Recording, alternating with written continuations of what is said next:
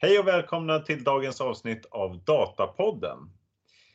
Eh, mitt namn är Gustav. Och jag heter Konstantin. Och jag är Daniel. Ja. Daniel Gauci kommer tillbaka från förra veckan också. Tack för att jag fick komma igen. Mm, mycket trevligt, mycket trevligt. Vi har eh, fullspäckat schema här med tre artiklar denna vecka också. Eh, Och det är fortfarande från eh, Data AI Summit. Precis. 28 till 30 juni. Var det i San Francisco de var? Någonstans i USA i alla fall. Det låter rimligt. Ja. Vi säger det. Jag är säker på att det var USA i alla fall. Så mycket. Las Vegas. San Francisco. Las Vegas. Ja. Det återstår att, att ta reda på det till nästa år. När de, det är ju ändå förbi. Eh, Men ska vi börja på en gång? Konstantin, vill du börja med din artikel? Ja, gärna. Jag har varit inne på Databricks egna blogg här. Och eh, då står det här Introducing Databricks Marketplace. An open marketplace for data solutions. Och Databricks följer en trend som eh, många andra har följt efter nu på senare tid eh, genom datadelning. Och hela konceptet med data sharing är att man ska kunna dela och konsumera utan att behöva kopiera datat.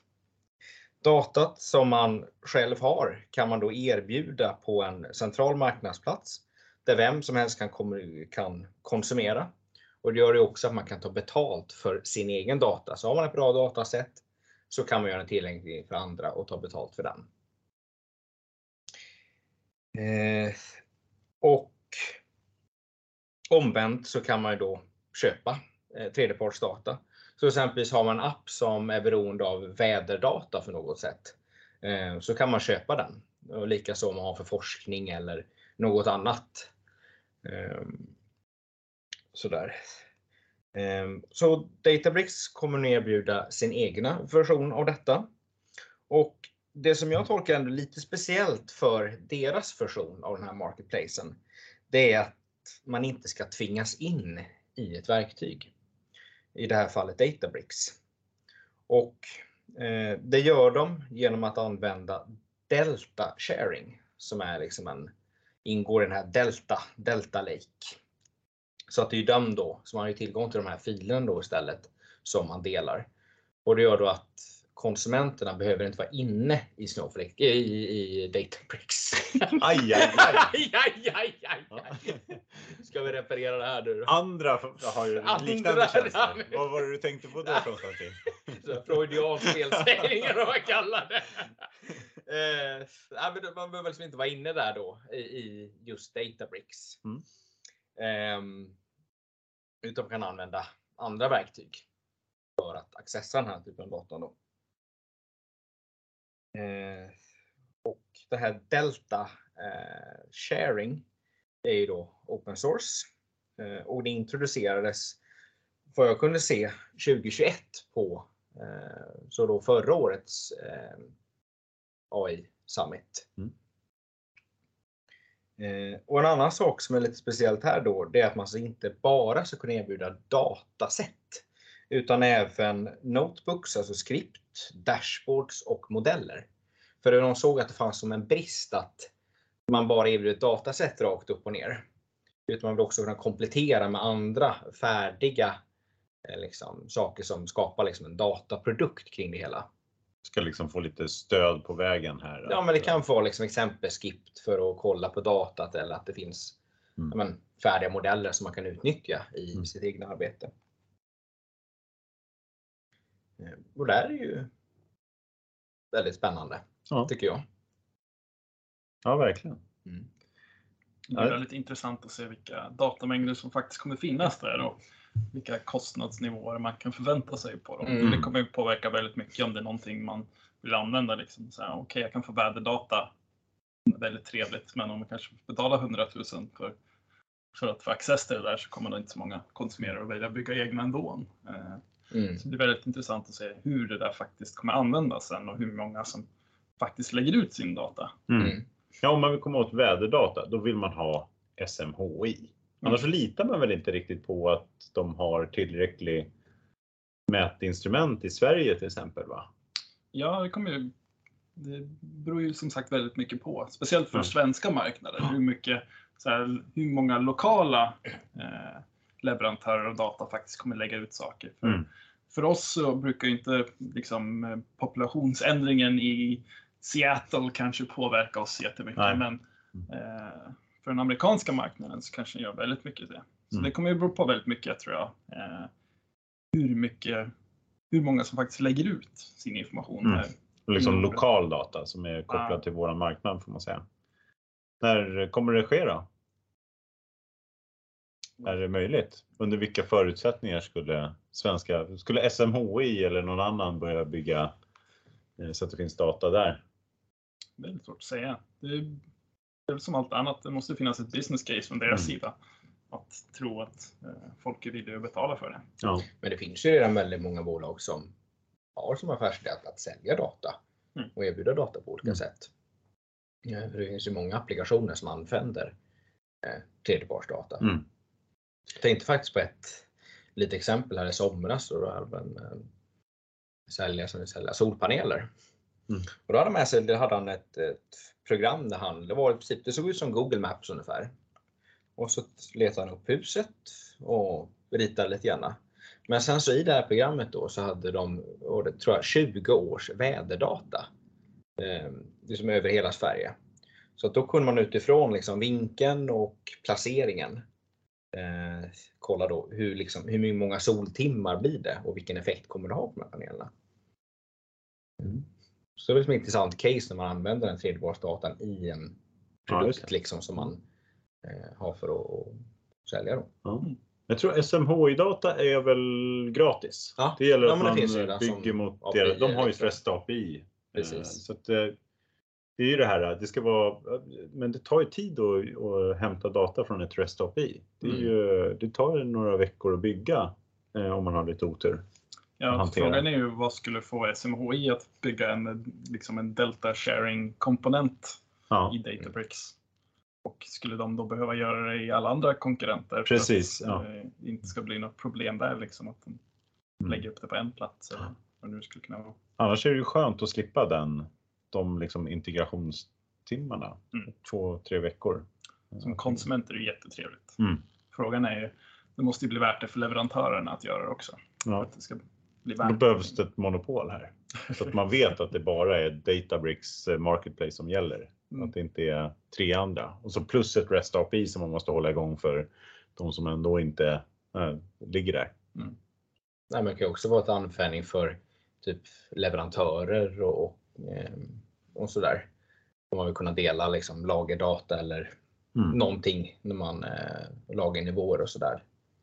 Ja, är det möjligt att liksom halvdela via Delta Sharing också? Att man väljer ut, du får Ja, men det är det data. som är, man har liksom Mm. sin Mm. Det är det som är basic, liksom delta sharing konceptet, att du kan Ja. dela data med någon annan som du säger får Mm. ta emot det här datat. Det kommer ju då inte ligga på Marketplace, för Nej. det vill man ju inte att just ska köpa. till. Här är patientdata. Ja. Nej. Eh, Nej, så det är bra. Och kunna dela på det där med ett open source. Mm. Ja, det är intressant att se hur det kommer faktiskt användas i praktiken. Sen. Ja, nej, Det väntar lite på. känns som det kan, eh, det kan ju göra livet enklare och göra många datakällor. Eh, Vad är det man använder vanligtvis som vi har använt utav oss kunder vanligt? Det är väl väder, kanske, Ja. det är alltid sån här Att- currency conversion. Ja, adressregister kan ju också vara sådana här man Ja. köper in någonstans ifrån. Mm. Och de, de måste ju hållas uppdaterade för det Mm. händer ju saker där liksom. Ja, och sen ja, som du sagt, liksom exchange rates, eh, valutakonverteringar, eh, vilka dagar på, på året är arbetsdagar, Ja. Mm. semesterdagar och sådana saker som är lite mer generella Mm. som man vill ta del av på Ja. ett enkelt sätt. Ja, det finns ett antal i alla fall som är spännande. Men även där är det ju lokalt. Får man säga. Ja. Vi går vidare till nästa artikel då. Och då är det ytterligare en sån här äh, bomb som Databricks har släppt här eh, inför sin Data AI. Men det här är sista vi har. Så att nu, eh, nu får ni spetsa öronen för nu blir det inte fler. Eh, Men den har ett riktigt coolt namn också. Så det är från deras blogg från 28 juni. Så det var på första dagen på Data AI Summit som de släppte det här då. Och eh, rubriken är Project Lightspeed. faster and simpler stream processing with Apache Spark. Wow, Lightspeed. det är snabbt. Det är ett supercoolt projekt då. Och eh, då är det så här att eh, vad den här artikeln innehåller då, den innehåller två delar. Den innehåller en hel del information om, om eh, Eh, Apache Spark Structured Streaming som är då en sån här open source lösning för, eh, för att hantera strömmande data. Eh, och de beskriver lite grann eh, den här Apache Spark Structured Streaming att eh, bland annat då så har de en, ett diagram där de visar hur mycket den här eh, structured streaming används på Databricks-plattformen. Och de har ju konstaterat då att det är en enorm ökning och det är liksom en exponentiell ut, eh, ökning av utnyttjandet av sådana här eh, tjänster. Då. Så de säger då att så här, ja, till exempel Eh, jag tror att eh, de har haft liksom en utveckling från 2019 och sen 2021 så började, början av 2021 så eh, då började man använda, veckovis så kördes en miljon, använde man en miljon sådana här strömmande datakällor eller datasets inom Databricks. Och sen så i slutet av eh, eh 2021 då, början av 2022 så är det uppe i 3 miljoner. Det är en markant ökning. Och nu är vi uppe här, nu är vi uppe i över, den har passerat 4 miljoner nu per vecko, veckovis då. Som det här körs då. Så det är ganska många eh, som använder de här tjänsterna då på Databricks. Och det är ju helt klart att eh, strömmande data är ju i ropet får man väl säga. Det känns som det är många som eh, tittar på det och det finns eh, behov av att ha data tillgängligt, att inte ha batchdata. Speciellt då om man ska utnyttja det för avancerad analys. Så finns det många tillämpningar då du faktiskt behöver strömmande data om du ska bygga produktrekommendationer och så vidare. Så går det inte att ha batchdata. Det är det som är så trevligt med strömmande data där i Databricks är att datat kommer in i en dataframe Sen kan du joina den med andra dataframes utan att behöva veta vilken dataframe som är strömmad data och vilken ja. som är liksom batchorienterad data. Så man kan liksom, den, som konsument behöver man inte riktigt veta hur den kommer in. Just det. Att den kan koppla sig på flera olika sätt. Där, liksom. Ja. En dum fråga, Så, vad är en dataframe? En dataframe är ett koncept inom Databricks eller inom Spark som är ett dataset. En variabel som innehåller data kan man väl säga hur den datan är kopplad i bakgrunden är lite gömt från dig som konsument. Och det är liksom temporär lagring kan man säga? Ja. Under tiden du kör liksom. Lagring, det är egentligen en pekare till någon data som ligger någonstans. Mm. Eller en operation som ska göras på en data för att få in den. En uppkoppling till ett dataset skulle man kunna säga. Ja, de anger här i den här då vad är den här structured streaming och det är lite grann för att förklara varför de satsar på den tekniken då också. Då. Då anger de det här bland annat att man kan bygga i dataframe som om det vore batch eller strömmande. Det gör detsamma för utvecklaren. Eh, det finns bra här feltolerans eh, och recovery inbyggt i den här lösningen. Då. Bra prestanda och skalbart nämner de.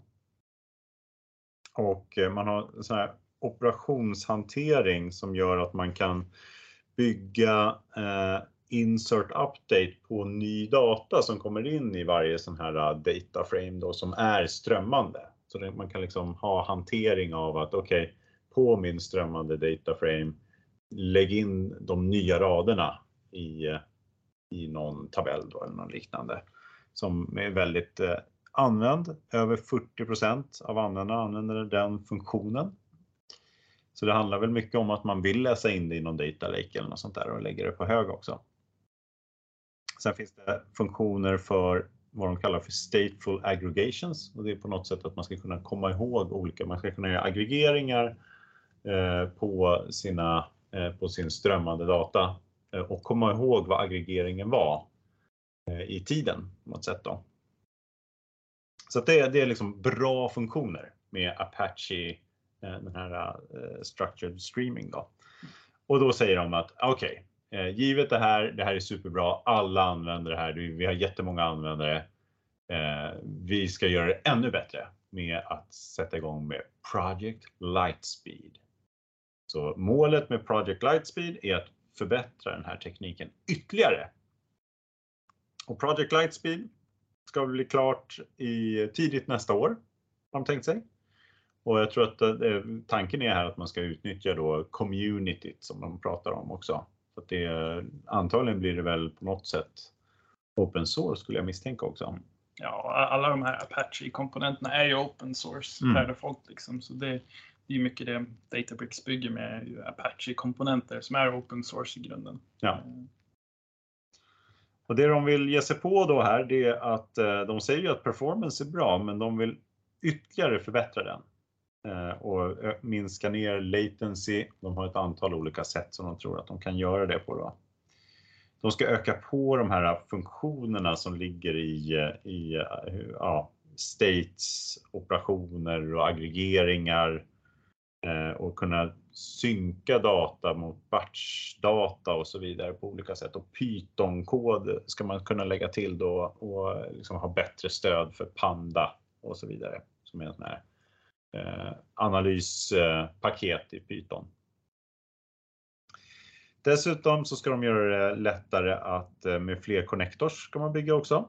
Då tar de upp eh, två exempel på system. Bland annat så tar de upp flera faktiskt, inte bara två, men de tar upp att de ska förbättra Apache Kafka.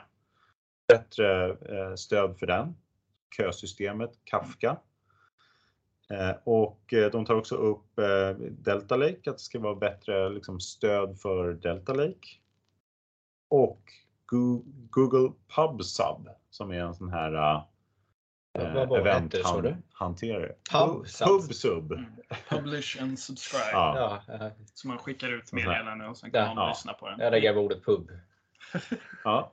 Ja, ja, du ville bara ta en öl. Åka tunnelbana och ta en öl. Ja, det är bra. Då kan man komma ihåg det med, med de orden. Pubsub. Eh, ölen åker på bardisken, serveras till alla eh, som vill ha.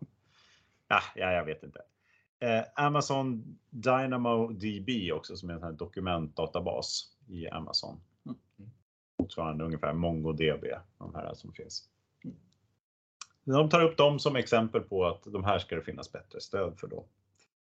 Och, eh, och också öka på liksom möjligheterna till monitorering och, eh, och att kunna hantera fel och så vidare och sånt där.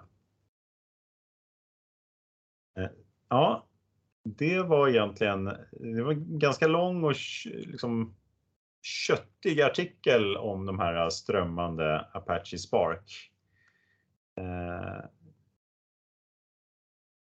Ja, det var ungefär allting som jag hade om det. Men det- man vill lägga till här det är ju att eh, just att det här, det är flera, så vi pratade ju Snowflake här tidigare, de hade också ny funktionalitet för strömmande.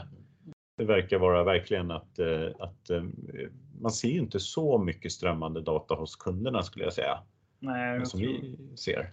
speciellt här i Norden så är det väldigt ont om strömmande data som kommer in i analysverktyg. Det är Ja. väldigt sällan man ser det.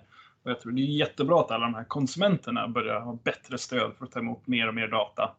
Eh, Men det, dit vi måste komma nu är att alla systemen som faktiskt används eh, hos företag faktiskt kan börja skicka data. Så att Mm. man kan börja lyssna på det. Så på något sätt, det är jättebra att, alla de här, att våra BI-verktyg kan klara av att ta emot alla de här grejerna. Men det gäller ju att man kommer till en punkt där alla system som vi ska konsumera ifrån faktiskt börjar skicka den här informationen till Ja, oss också. Så du tänker liksom inte bara i rena IoT-produkter liksom, som bara skickar ut någon, Nej, någon transponder eller någon status liksom hela tiden utan de här Ja, ERP-systemen. Liksom. ERP-systemen, säljverktygen, liksom, att det Ja. börjar komma faktiskt med det. Och det börjar komma mer och mer och sånt. Mm. Eh, Men tills man är där så det, är jättebra att det går mycket snabbare med de här strömmande data. Att de, liksom, Mm. de utvecklar de här hela tiden. Eh, Men problem, största problemet för oss just nu är ju att vi får inte tag på strömmande data. Nej. Eh, Så det är ju jättebra att det går framåt, men eh, jag väntar fortfarande på att alla källsystemen som Mm. kanske har funnits hos företag i 10-15 år, att de kommer till en ny version där de faktiskt kan börja skicka data Mm. till oss. Och det är då man kommer börja märka av de här liksom förbättringarna i sådana här verktyg. Mm. För än så länge hjälper det nog inte oss så jättemycket på nordiska marknaden. tror Nej. man hade väl, vi pratade Snowflake hade ju det här att man skulle eh, kunna använda deras lösning för att faktiskt eh, ha en operativ databas också så att Mm. du skulle ha allt i samma. Mm. Då behöver du inte ens strömmar utan då ligger allt där. Mm. Ja, och sen finns det också det här med att strömma upp det med, med eh, vad heter det, Azure Link. Heter det, Ja, just det.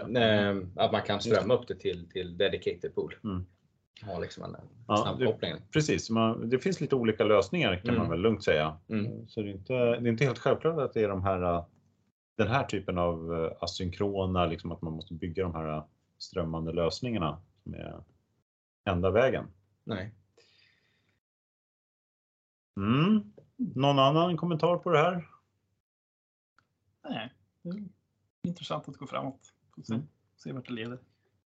Ska du Daniel avsluta här med sista artikeln? Ja, eh, hoppa tillbaks från det lite mer djupa tekniska och gå in på eh, världens mest populära analysverktyg. Det då är Excel. Woho! Det.